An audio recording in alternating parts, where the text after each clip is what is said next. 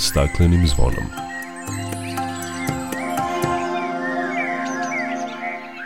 Dobar dan i dobrodošli na Zeleni talas prvog programa radija Radio Televizije Vojvodine. Ja sam Dragana Ratković. Evropski parlament podržao je sredinom jula plan zaštite prirode i borbu protiv klimatskih promena.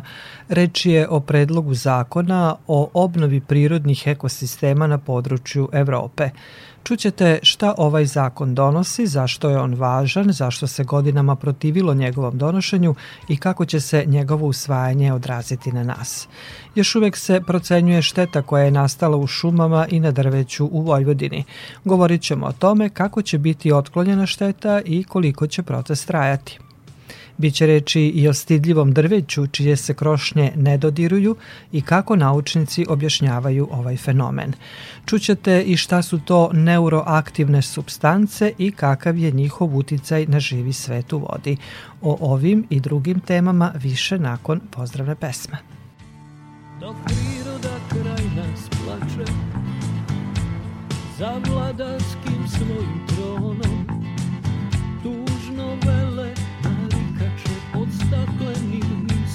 zvonom.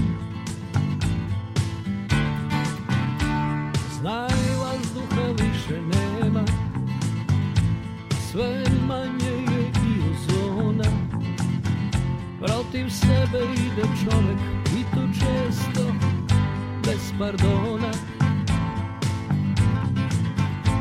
Uništenju živog sveta kao da su skloni Čovek sam je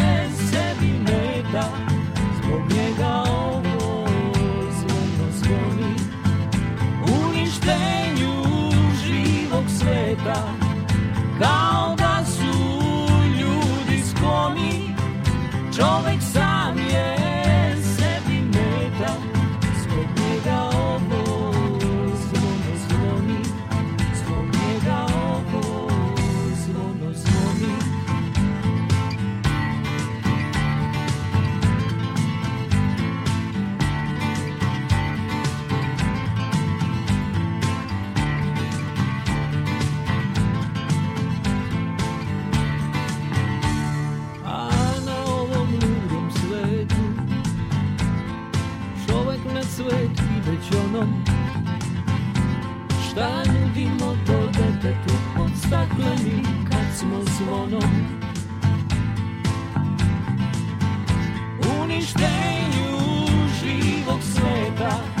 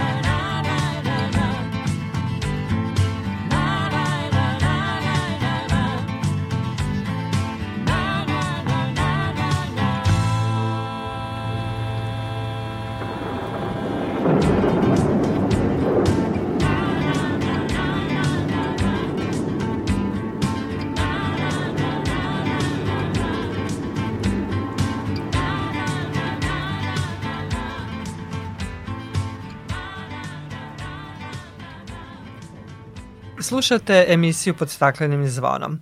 Evropski parlament podržao je sredinom jula plan zaštite prirode i borbe protiv klimatskih promjena, naime reči o predlogu zakona o obnovi prirodnih ekosistema na području Evrope. Šta ovaj zakon donosi, zašto je on važan i ko se i zašto godinama protivi njegovom donošenju, kako će se njegovo usvajanje odraziti na nas? Na ova i druga pitanja odgovore će nam dati moj sagovornik, direktor Kancelarije Međunarodne unije za zaštitu prirode za Evropu, gospodin Boris Erg. Gospodin Erg, dobar dan i dobrodošli na Talasa Radije Novog Sada. Dobar dan i pozdrav svim slušalcima. Rasprava o zakonu o obnovi prirodnih ekosistema izazvala je veliku pažnju javnosti, pa i protivljenje njegovom usvajanju i u Evropskoj komisiji i u Evropskom parlamentu. Brojni amandmani su podneti i usvojen je zakon, možemo reći, tesnom većinom. Šta je razlog da je njegovo usvajanje prvo tako dugo trajalo i zbog čega su se mnogi opirali njegovom donošenju? Kako ste i rekli, dosta je složen proces. Mi još uvek nemamo zakon o obnovi prirode u, u Evropskoj uniji. On jeste prošao parlamentarnu raspravu, ali tek sada predstoji razgovori o, o konačnom tekstu zakona u okviru Saveta Evropske unije. Tako da ministri zaduženi za oblast zemalja članica Evropske unije će o tome razgovarati u narednih nekoliko meseci. Ideja je da se do kraja ove godine, znači u okviru predsedovanja Španije e, Evropskom unijom, zakon konačno i donese, ali dosadašnji proces je već pokazao da je zakon dosta složen, jedan od najvrućih u ovom trenutku u Evropskoj uniji i s jedne strane je razumljivo zašto je to tako. Ovo je prvi izuzetno ambiciozan zakon na tu temu u okviru Evropske unije, on dolazi kao deo zelenog dogovora i, i prvi je veliki zakon zapravo u okviru te oblasti i potpuno je nov u smislu da postoje neke nove ciljeve i zahteve u Evropskoj uniji, znači za zemlje članice Evropske unije na temu obnove staništa. To je jedna strana. Druga je ta da mi smo zaista svedoci ovo leto je to, to pokazalo da smo zaista već ušli u ovako duboko u klimatske promene i sve silne nepogode koje nam se dešavaju, pratimo ih svaki dan od Sicilije preko Grčke i, i dalje požari bujaju svuda, može se reći i na severu i na jugu i u Sibiru i u, i u Sjedinjim američkim državama i Kanadi, tako da niko nije izuzet, ni sever, ni jug, ni istok, ni zapad i ovaj zakon je zaista pokušaj da se ambicioznije uđe u, u tu sferu i pokuša da uradi nešto kako bismo negde makar usporili ako ništa drugo sve te procese koji nam se dešavaju. Tako da to je ovako jedan okvir u kom se dešava taj zakon i jedan širi prostor u kom treba sagledavati šta želimo da uradimo. Mi imamo jasne podatke da je 80% staništa u, u Evropi nisu u dobrom stanju, nisu funkcionalni Isto tako imamo podatak da 60% zemljišta u Evropi takođe nisu u dobrom stanju, mi nešto moramo da uradimo po tom pitanju. To je upravo zakon o obnovi staništa govori o tome. Znači da se postave jasni ciljevi do 2030. pa i do 2050. godine na temu obnove staništa, da li su to šume, da li su to pašnjaci, da li su to vlažne staništa i slično, da li su to urbane sredine i da onda zemlje izađu sa jasnim nacionalnim planovima na tu temu i kažu toliko ćemo obnoviti do te i te godine i na taj način. I sad naravno jedan tako sveobuhvatan zakon koji ima jedan ambiciozan cilj, a to je da 20% staništa od 2030. godine budu obnovljeni, uključujući i urbana, i poljoprivredna, i šumska i slično. Naravno da onda izaziva razne reakcije i da ima raznih pozicija. Iako bi pregovori, kao što ste rekli, o konačnoj verziji zakona mogli da potraju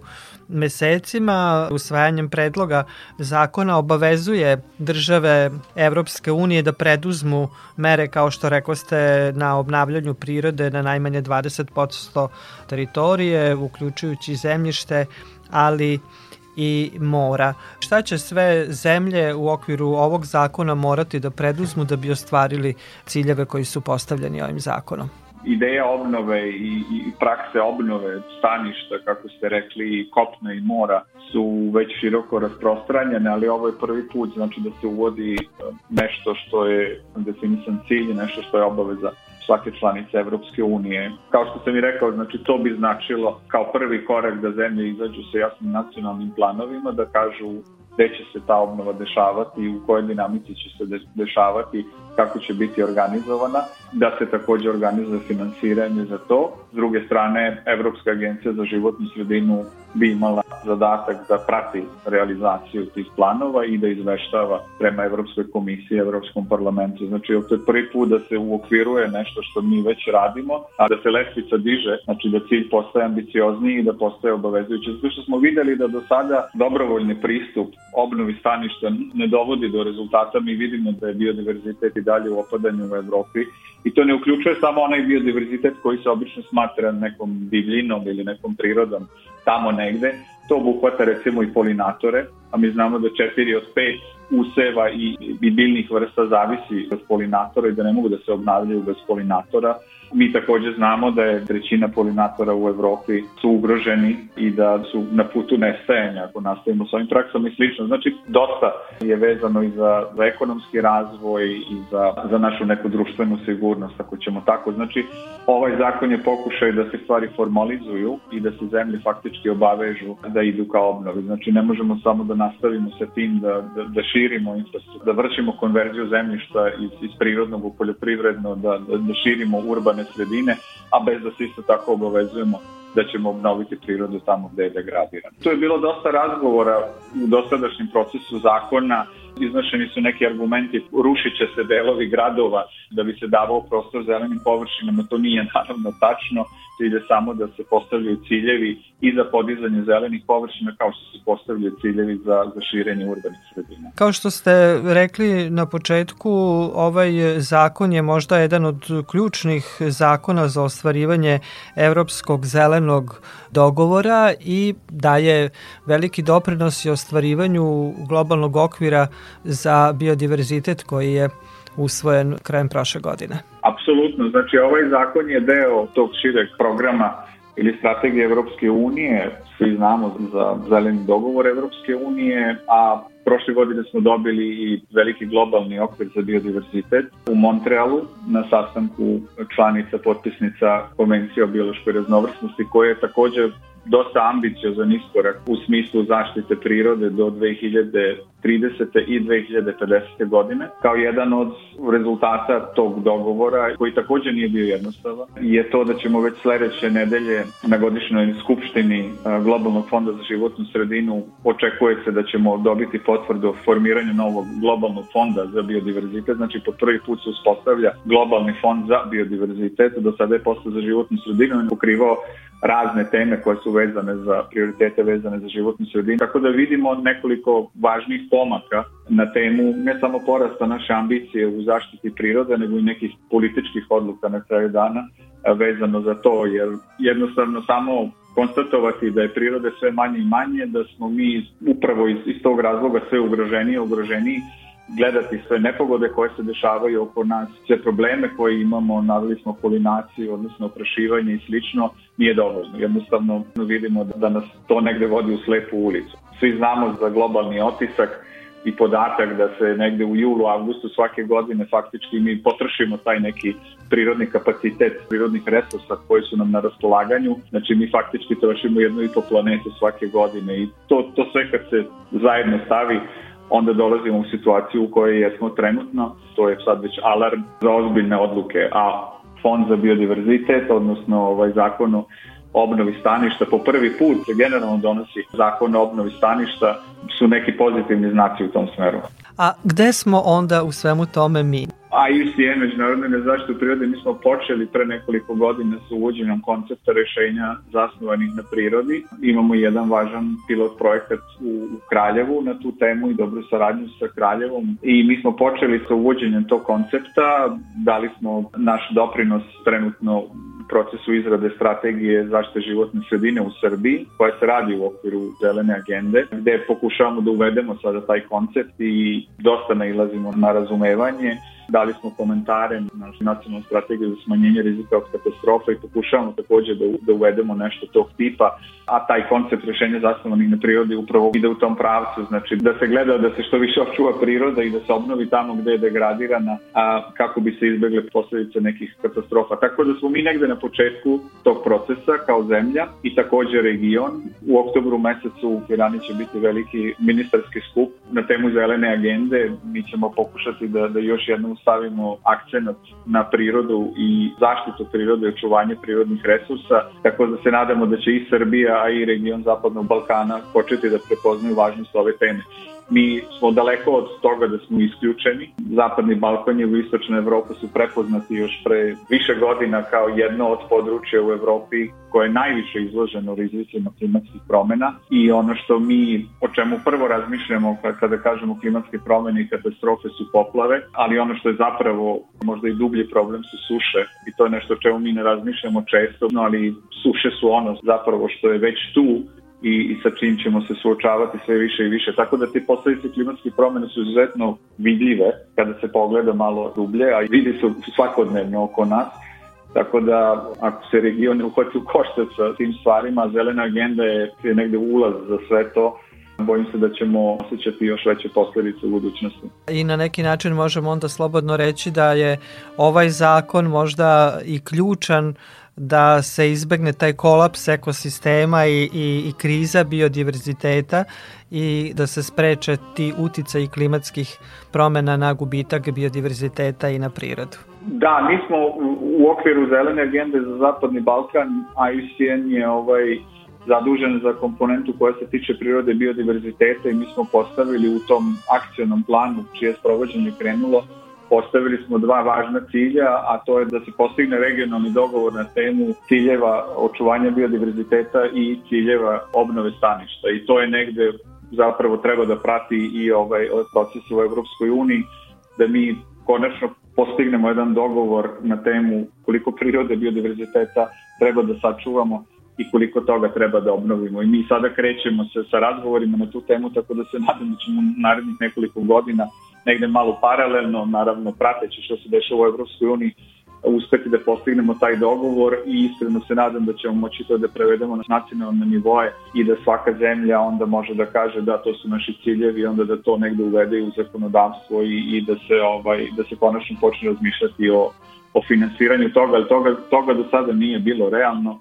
Većina stvari koje se dešavaju na temu obnove staništa dolaze iz međunarodnih projekata, za sada ne postoje, vrlo su ograničeni resursi koji dolaze iz budžeta zemalja.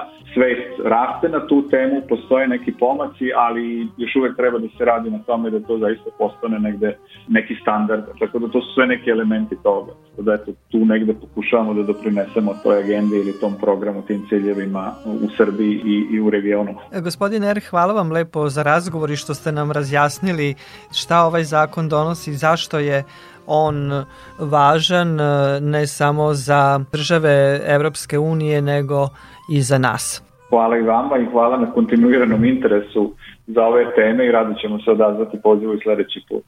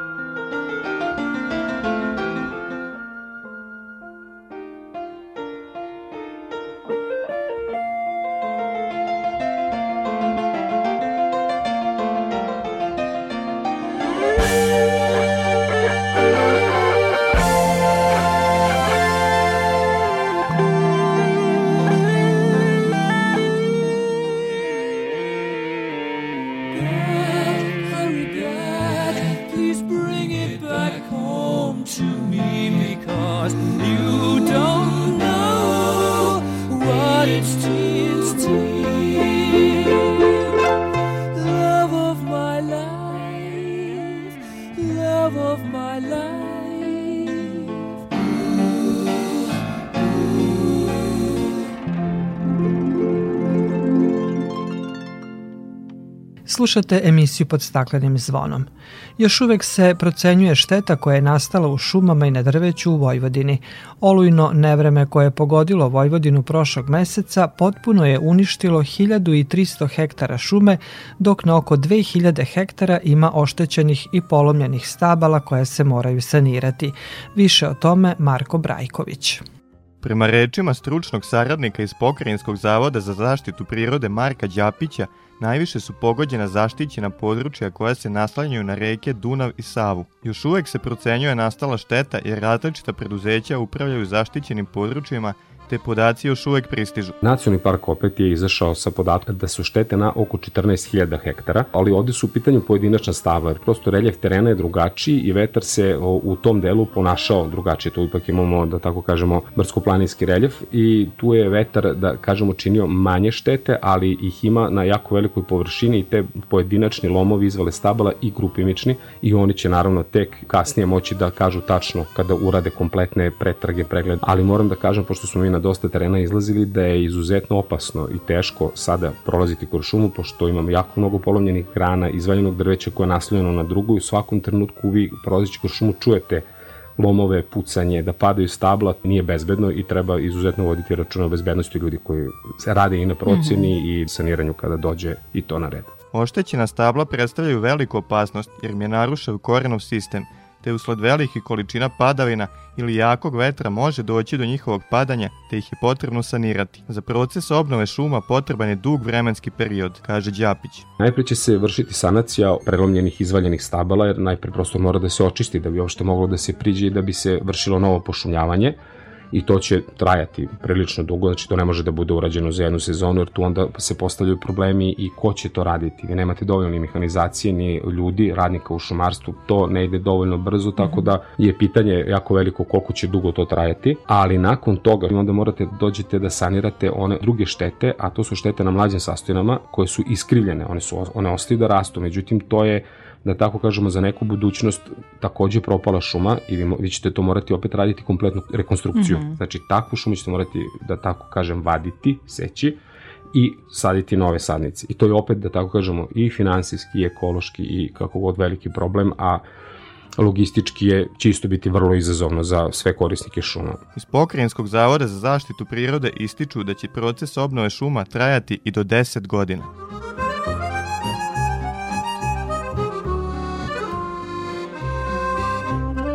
Prema mišljenju stručnjaka, mnoga drveća su stradala u nedavnom nevremenu jer su im se krošnje dodirivale pa su se usled jakog olujnog vetra lomile grane pa čak i pojedina stabla. Kod nekih vrsta drveća, iako su blizu, krošnje se ne dodiruju. Uglavnom se to odnosi na visoka stabla, a najstidljivija su mlada stabla. Taj fenomen zabeležen je kod eukaliptusa, sitkanske smreke, japanskog ariša, kod nas među bukvama, borovima i nekim vrstama hrasta. Ova pojava je zanimljiva i biolozima i ljubiteljima prirode jer kada posmatrač pogleda ka nebu između zelenila krošnji vidi na stotine manjih i većih kanala, meandera i pukotina.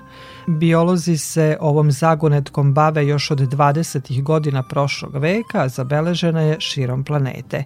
Neko jedinstveno objašnjenje za ovakvo ponašanje drveća naučnici još nisu dali, kaže profesor Milorad Vujičić sa Biološkog fakulteta u Beogradu. Postoji više različitih teorija zašto zapravo postoji to nedodirivanje između grana. Jedna od teorija govori o tome da je vetar glavni uzročnik zašto se grane dva stabla ne dodiruju kako bi se zaštitile od lomova. Možemo da razlikujemo jednu bukovu i jednu hrastovu šumu i da vidimo da u bukovoj šumi se formiraju gusti sklopovi gde se krošnje dodiruju, da su hrastove šume opet e, stabla razmaknuta, ali to opet ima veze i sa drugim fiziološkim faktorima kao što su svetlost, kao što su temperatura, kao što je količina vode, ne samo do toga kako će se jednostavno grane razvijati.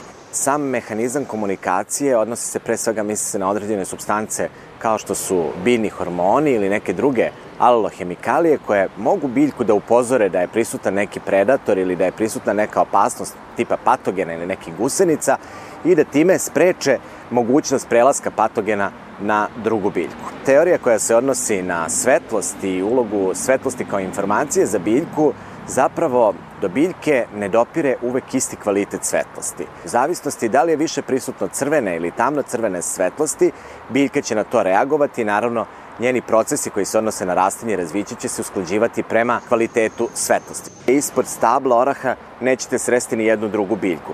To je upravo zato što koren oraha ispušta jednu hemikaliju koja se zove juglon, pa i odatle potiče sam naziv, koja ne dozvoljava prisustvo nekih drugih vrsta.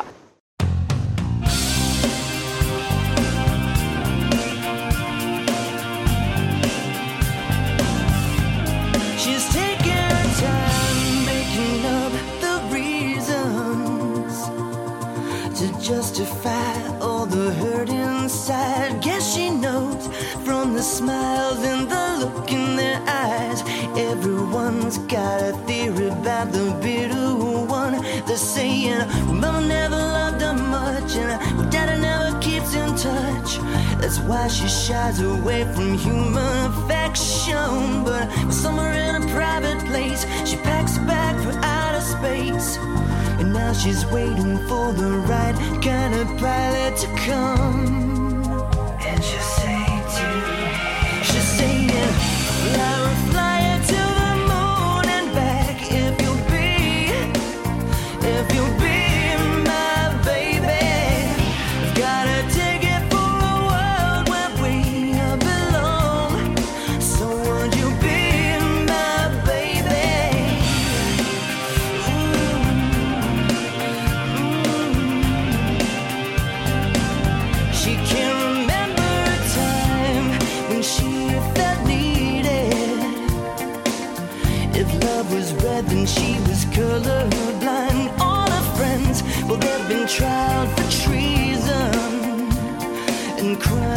That never defined.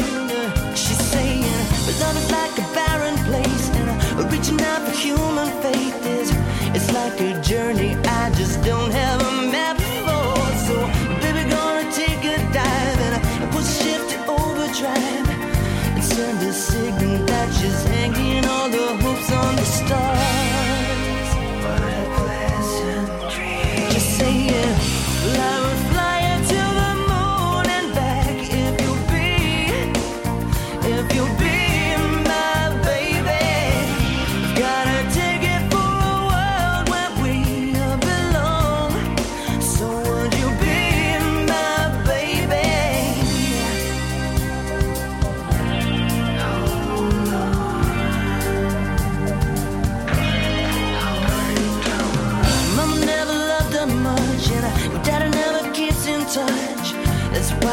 away from human affection. But somewhere in a private place, she packs a bag for outer space. And now she's waiting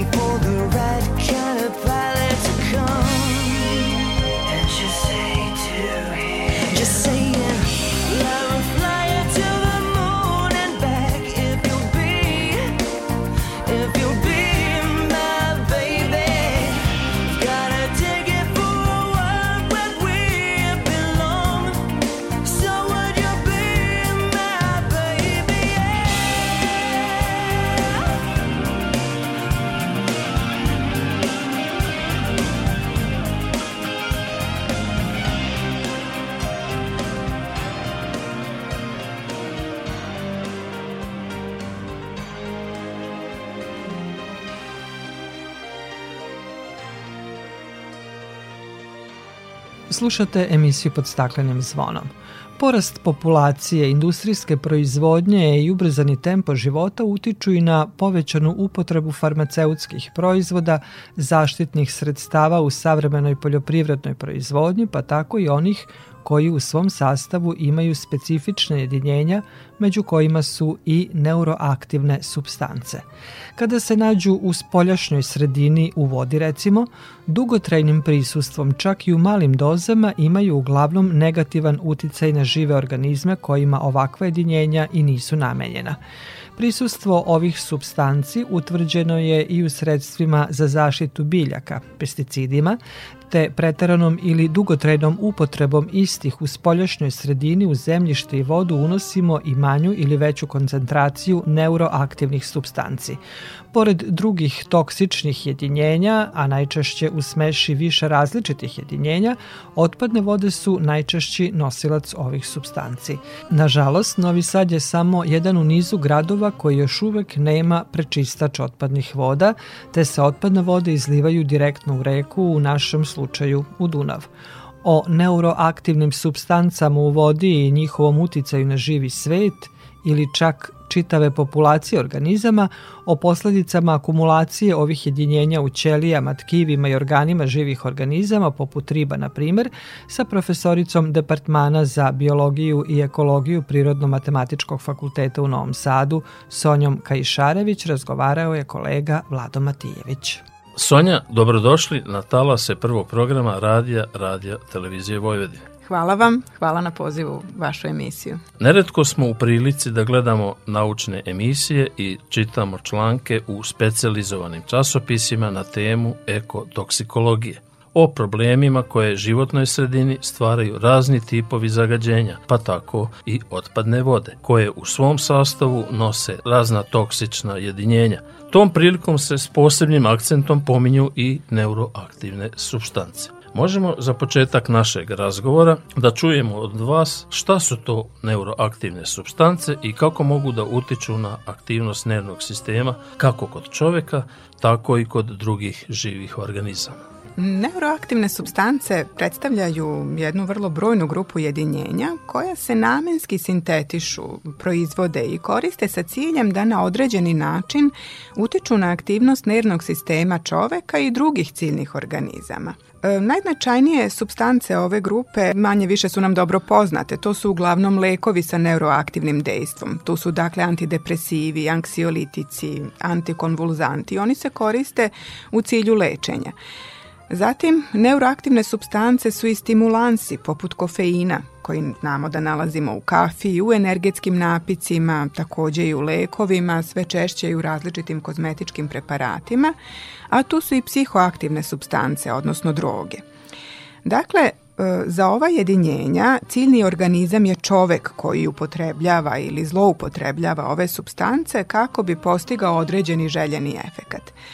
Pored toga, postoje i brojni pesticidi sa neuroaktivnim dejstvom za koje su ciljni organizmi insekti, odnosno štetočine za čije suzbijanje se koriste.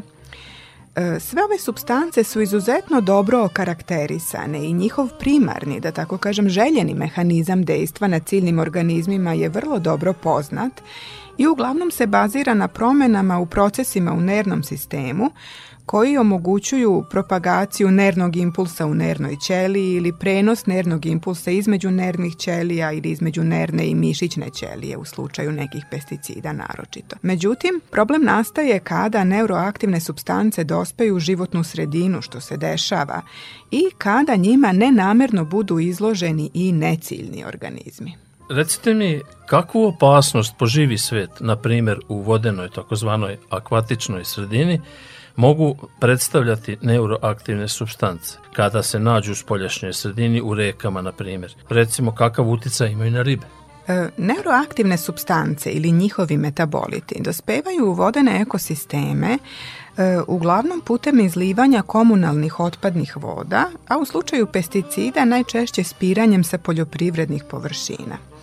Problem predstavlja to što fabrike za preradu otpadnih voda, čak i kada su prisutne, nemaju kapacitet da potpuno uklone ova jedinjenja iz efluenta, a da ne govorimo o situaciji koju, na primjer, imamo u Novom Sadu, gde fabrika za preradu otpadnih voda i ne postoji rastuća urbanizacija, savremeni način života s jedne strane, intenzivno korišćenje pesticida u poljoprivredni s druge strane, zajedno doprinose tome da se ovom problemu ne nazire kraj, već naprotiv možemo da očekujemo da će u budućnosti nivoji neuroaktivnih substanci u rekama biti i veći. Interesantno je i zabrinjavajuće to što novija istraživanja pokazuju da neuroaktivne substance predstavljaju dominantnu grupu zagađujućih substanci u evropskim rekama. Prisutne su u koncentracijama koje se kreću od nanograma po litri do mikrograma po litri, a detektovane su i u delovima vodotoka Dunava koji protiče kroz Srbiju. E sad zašto sve ovo predstavlja problem? Zato što su ciljna mesta delovanja neuroaktivnih substancija evolutivno konzervisana, odnosno vrlo su slična kod organizama na različitom stepenu evolutivnog razvoja. Tako da su na ova jedinjenja osetljivi i neciljni organizmi kojima ona nisu primarno namenjena, a kada govorimo o vodenim ekosistemima, to su ribe i vodeni beskičmenjaci. E, kod njih one dovode do promena u pokretljivosti, u ponašanju, u sposobnosti da pronađu hranu, izbegnu opasnost, odbrane se od predatora, zatim rebente reprodukciju, dovode do razvojne retardacije, do morfoloških anomalija. Sve su ovo vrlo ozbiljne promene koje zapravo dovode do ugrožavanja opstanka ne samo individua, nego i celih populacija – Pored toga, naučne studije pokazuju i da nenamerno izlaganje ljudi ovim jedinjenjima može dovesti do neurodegenerativnih poremećaja. Često se u izlaganjima na ovu temu, kada je reč o metodama biomonitoringa, spominju takozvani biomarkeri. Možete li nam na jedan prostiji način približiti ovaj pojam? Šta su to biomarkeri? Pa biomarkeri predstavljaju promene u funkcionisanju određenih procesa u organizmu koje se ispoljavaju na nižim nivoima biološkog odgovora, dakle na molekularnom nivou, na nivou aktivnosti nekih enzima ili ekspresiji određenih gena, a te promene nastaju kao rezultat interakcije sa određenim jedinjenjima. Ove promene predstavljaju, da tako kažem, početnu kariku u nizu nekih dešavanja koja će u organizmu da uslede, a usledit će promene na nivou tkiva, organa i konačno na nivou celog organizma da bi kulminirale složenim negativnim efektima o kojima sam malo čas govorila. U ovom smislu biomarkeri koje analiziramo u nekom organizmu koji nastanjuje određeni lokalitet ili u ćelijskoj kulturi ako radimo laboratorijske analize, predstavljaju rane upozoravajuće signale kontaminacije. Dakle, taj prvi odgovor organizma na zagađujuće substance i prvi znak da problem postoji. Postoje opšti, nespecifični biomarkeri koji generalno pokazuju da li je organizam izložen hemijskom stresu. Međutim, nama su interesantni oni drugi, specifični za tačno određenu grupu jedinjenja. A, vi ste bili rukovodilac projekta Bianco koji je bio potpomognut iz Fonda za nauku Republike Srbije i deo ste tima koji je činila istraživačka grupa Prirodno-matematičkog fakulteta u Novom Sadu, koja se upravo bavila i ovom temom. Koji bi bili najznačajniji rezultati projekta i da li su oni prepoznati kao značajni od strane naučne zajednice? E, naš dosadašnji rad na ovom projektu rezultirao je publikovanjem dva naučna rada u eminentnim inostranim naučnim časopisima. U jednom radu upravo ukazujemo na problem prisustva neuroaktivnih substanci u životnoj sredini, kao i na aktuelne istraživačke pristupe, ograničenja, izazove u razvoju strategije biomonitoringa koja se bazira na primeni osetljivih biomarkera efekta neuroaktivnih substanci. U drugom radu predstavili smo rezultate ispitivanja efekata kofeina na određene molekularne procese u nervnim ćelijama. Ovi efekti nisu zabrinjavajući, ali imajući u vidu izuzetno široku rasprostranjenost i upotrebu ove substance, svakako ih ne treba ni zanemariti. E, u brojnim saopštenjima koja smo prezentovali na naučnim skupovima u zemlji i inostranstvu ukazali smo na konkretna potencijalna ciljna mesta toksičnog delovanja neuroaktivnih substanci i to su uglavnom enzimi, takozvani transporteri koji učestvuju u uklanjanju neurotransmitera u sinapsama i odnosno tim vezama između nervnih ćelija i pojedini elementi koji učestvuju u procesu oslobađanja neurotransmitera iz nervne ćelije. Skrenula bih pažnju i na još jedan problem koji moramo imati na umu. Čak i u slučaju da se određena substanca ne pokaže kao toksična pri koncentracijama u kojima je prisutna u životnoj sredini, ne smemo zaboraviti da ona u životnoj sredini nikada nije prisutna sama. Svi organizmi, pa i čovek, konstantno su izloženi smešama različitih jedinjenja, ne samo neuroaktivnih substanci, nego i mnogih drugih. I efekat jedinjenja u smeši može biti vrlo često i jeste jači i izraženiji nego efekat pojedinačnih substanci. Ovo je svakako izazovno i zahtevno polje istraživanja i rad naše laboratorije godinama unazad između ostalog je usmeren i ka ispitivanju efekata kompleksnih smeša uzoraka iz okoline. Da li bi se problem bar delimično rešio ako bi se pronašla sredstva za izgradnju savremene fabrike za prečišćavanje otpadnih voda, a kao što znamo u Novom Sadu mi to nemamo? Naravno da bi. Nepostojanje fabrike za preradu otpadnih voda u Novom Sadu, ja mislim da je goruće ekološko pitanje u našem gradu i sa ovim problemom su upoznati i gradske vlasti i šira javnost. Ja zaista očekujem i neke reakcije po tom pitanju da Novi Sad dobije fabriku za preradu otpadnih voda u što skorijoj budućnosti. Profesorice, hvala vam na učešću u programu prvog programa radija, radio televizije Vojvodine i bit ćete nam uvek rad gost. Hvala vama.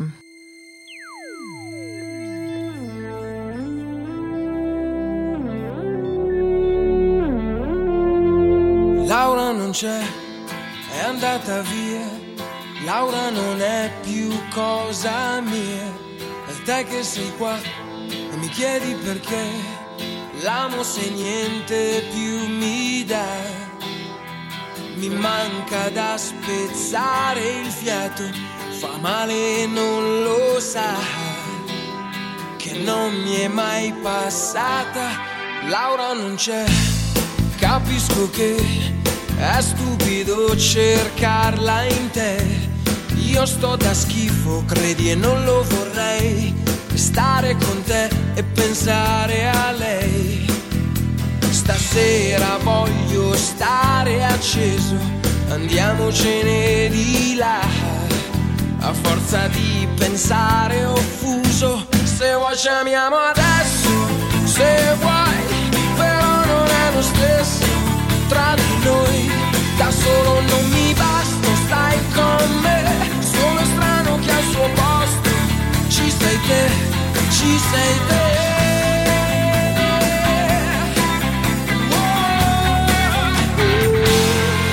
Laura dov'è? Mi manca sei, magari c'è un altro accanto a lei. Giuro non ci ho pensato mai che succedesse proprio a noi. Lei si muove dentro un altro abbraccio di un corpo che non è più il mio e io così non ce la faccio. Se vuoi chiamiamo adesso, se vuoi, però non è lo stesso tra di noi. Da solo non mi basta, stai con me. Sono strano che al suo posto ci sei te, ci sei te.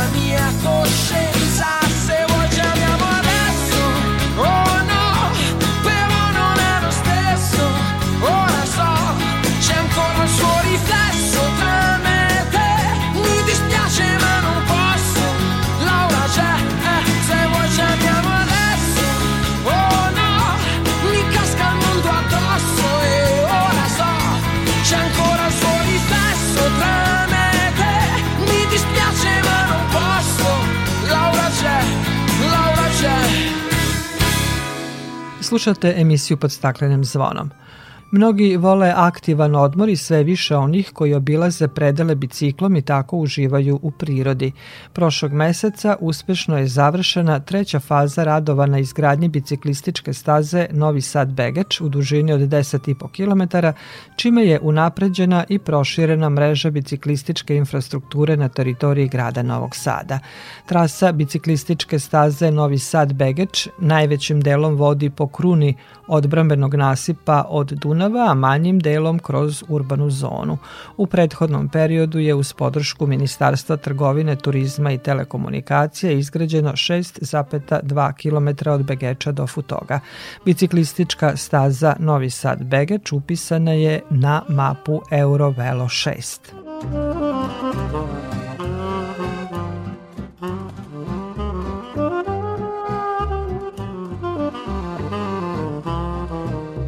a novoustanovljena pešačka staza La Via della Sorelle ili sestrinski put između Breše i Bergama, aktuelnih nacionalnih prestonica kulture, duga 130 km, prolazi kroz čak 30 opština, predstavljajući manje poznata mesta, drevne puteve, lokalnu tradiciju i proizvode sa umetnošću u fokusu. Autorka serijala Priče iz Severne Italije, Ivana Maletin-Ćorilić, prošla je jednu kraću deonicu sa vodičem Andreom Ravarinijem iz udruženja Mile Monti. Kuda prolazi sestrinski put i šta sve obuhvata? It's um, a, a path. Sestrinski put je staza dugačka 130 km koja povezuje Brešu sa Bergamom. Obeležena je i podeljena u šest etapa.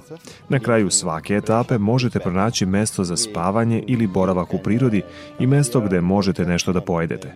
Sestrinski put možete da pronađete na internet stranici gde je dostupna njegova mapa koju možete da preuzmete i pratite na mobilnom telefonu. Imajući u vidu da su dva grada u Lombardiji, Breša i Bergamo, nacionalne prestonice kulture za ovu godinu, došli smo na ideju da ih povežemo stazom, a ne samo putem kulturnih događaja. Sestrinski put je namenjen prevashodno onima koji žele da ostanu duže, sedam dana. Dakle, imaju šest etapa i jedan slobodan dan za obilazak gradova na početku i na kraju staze. Staza je okružena prelepom prirodom, ali i kulturnim znamenitostima. Šta se sve može videti na tom putu? Yes, it's surrounded uh, by nature. Uh, da, okružena je prirodom. Nalazimo se blizu jezera Izeo koje deli Brešu od Bergama. Želeli smo da povežemo gradove ostajući više na severu, blizu brda. Ovde imamo ravnicu na jugu i brda i planine na severu, dva grada. Staza je ucrtana tako da ide po šljunku mimo asfaltiranog puta. Prolazi kroz prelepe brdske predele, odakle možete videti jezero u podnožju i prirodu ravničarskog kraja. Stižete i do kulturnih tačaka jer je u blizini manastir, a možete posetiti i vinariju. Ovo područje je poznato po vinu, U Breši je to Franća Korta. Reč je o penušovom vinu sličnom šampanjcu. U Bergamu postoje različite vrste vina, crvenih i belih. Ovo područje, pored jezera Izeo, je i prirodni rezervat.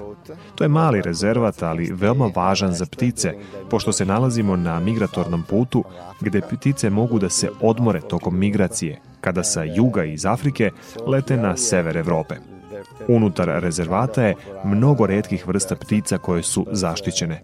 To je raj za posmatrače ptica i fotografe. So this is a paradise for the bird watchers and uh, natural photographers. Da li organizujete neke sportske događaje? This is a, um, a, a city where uh, we have a lot of... Uh, Ovde se često održavaju sportske manifestacije, kao što su biciklističke ili planinske trke. Poznata staza kreće odavde, Sada smo u Provalju, a cilj je dostići vrh planine Monte Guglielmo. Trka je dugačka 35 km sa visinskom razlikom od 2000 metara između startne i ciljne pozicije. Da li turisti i meštani vole da dođu ovde i opuste se u prirodi? Uh, um, uh, uh, Mnogo meštana dolazi ovde kako bi trčali ili boravili u prirodi. Takođe, posećuju nas turisti iz različitih krajeva sveta, kao i iz drugih delova Italije. Jezera poput Izea i Garde privlače turiste, posebno iz Nemačke i Severne Evrope. Shvatili su da predeo ne čine samo jezera, već i gradovi između njih. Dolaze ovde da rade i da provedu aktivan odmor. Mogu da voze bicikl, plivaju u jezerima, voze kajak ili kanu, da pecaju i jašu konje. U obližnim gradovima Breši i Bergamu mogu da obiđu mnoge kulturne znamenitosti. U Breši se nalaze srednjovekovni dvorac i manastir, kao i rimske ruševine koje su u samom centru grada. Breša je prelep grad.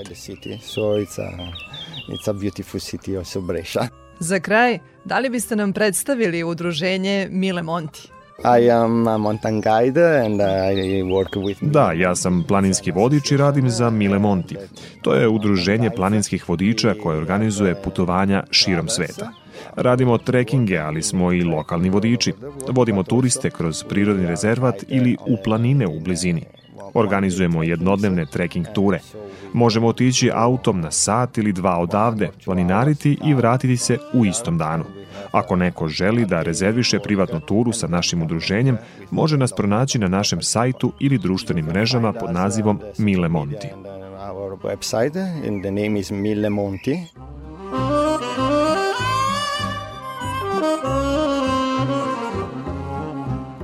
Slušate emisiju pod staklenim zvonom.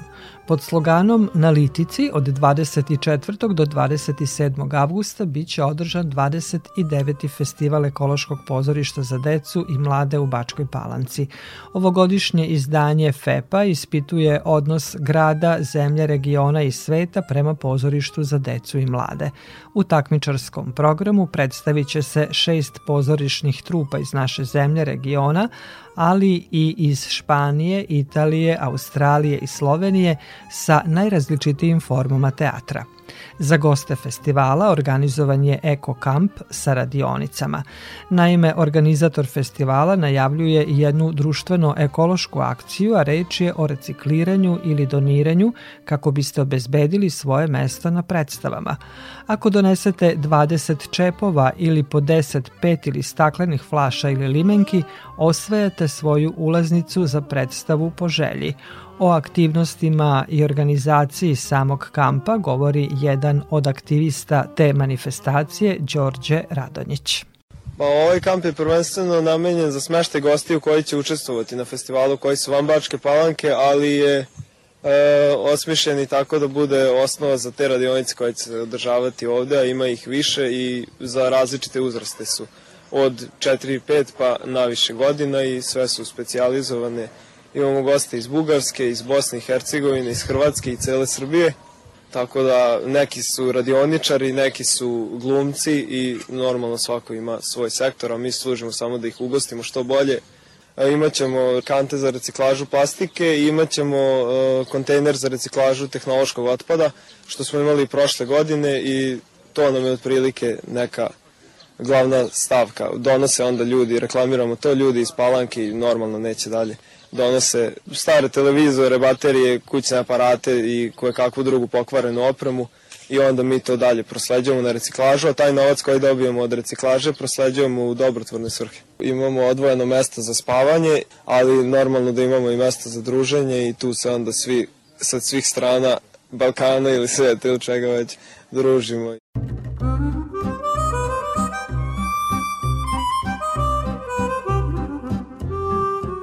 Toliko u ovom izdanju emisije pod staklenim zvonom koju možete slušati i odloženo na podcastu Radio Televizija Vojvodine na adresi rtv.rs. Emisiju realizovali Iboja Šanca, Maja Tomas i Dragana Ratković. Naredni susret zakazujemo za sedam dana u isto vreme na zelenom talasu prvog programa radija Radio Televizije Vojvodine. think